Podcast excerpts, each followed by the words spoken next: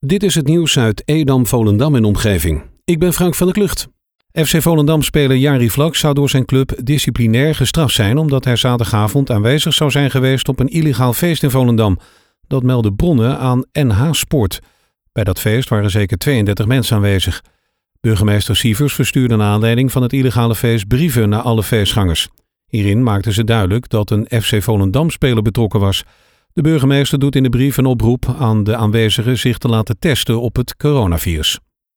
Apothekersassistenten moeten flink hun best doen als ze zich willen laten testen op corona. De beroepsgroep staat op de lijst van het RIVM van zorgmedewerkers die voorrang krijgen, maar dat blijkt in de praktijk niet altijd te werken. Drie medewerkers die bij de apotheek Waterland Oost in Volendam getest moeten worden, kregen allen te horen dat ze naar het reguliere nummer moeten bellen omdat ze geen zorgmedewerkers zouden zijn. Dat terwijl apothekers en apothekersassistenten wel door het RIVM als zodanig behandeld moeten worden. Overheidsorganisaties verwijzen burgers steeds vaker naar hun websites. Niet iedereen vindt het makkelijk om hier wegwijs in te worden.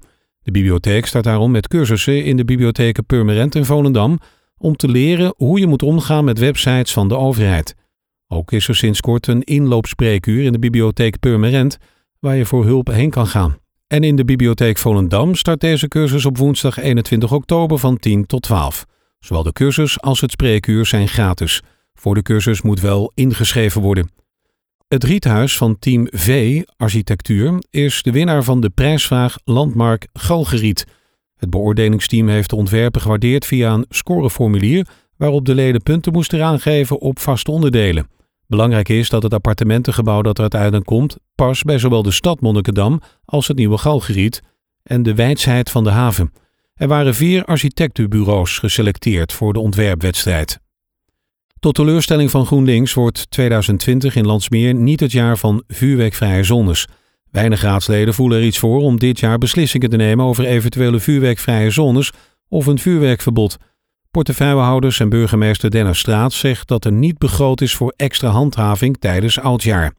Mede door de coronacrisis is de handhaving al extra belast.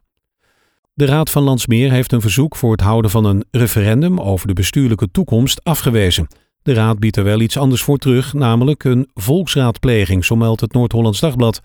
Die biedt volgens initiatiefnemer Erik Knibbe meer mogelijkheden om de bevolking vragen voor te leggen dan een referendum. Op dit moment wil geen enkele andere gemeente samengaan met Landsmeer.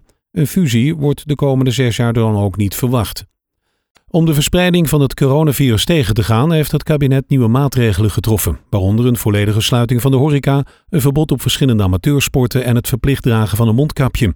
Naast de sluiting van de horeca is ook een verbod op het verkopen van alcohol na 8 uur 's avonds afgekondigd.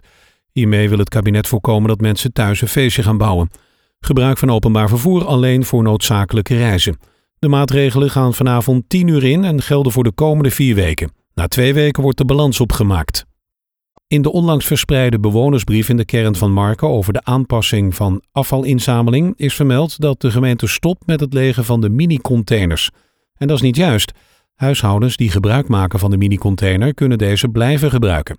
De mini-containers worden gewoon na 30 oktober via het inzamelschema gelegd. Als bewoners kiezen voor de mini-container restafval, dan kunnen zij geen gebruik maken van de ondergrondse afvalcontainer. Hun afvalpas werkt dan niet op die container. Ze kunnen eventueel wel hun gescheiden afval in de PMD ondergrondse afvalcontainer kwijt. Door het stijgende aantal coronabesmettingen in de Zaanstreek Waterland is de regio van zorgelijk naar ernstig gegaan. Dat merken ze ook in het Zaans Medisch Centrum. Het ziekenhuis heeft daarom het ministerie van Defensie om hulp gevraagd, maar die hebben laten weten niet te kunnen helpen.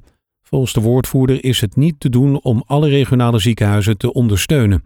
Om de drukte aan te kunnen, worden naast gevraagde hulp van Defensie op dit moment zogeheten buddies opgeleid. Dat zijn ziekenhuismedewerkers die op een andere afdeling werkzaam zijn, maar indien nodig op de intensive care ingezet kunnen worden. Tot zover het nieuws uit Edam, Volendam en omgeving. Meer lokaal nieuws vindt u op de Love Kabelkrant, onze website of in de app.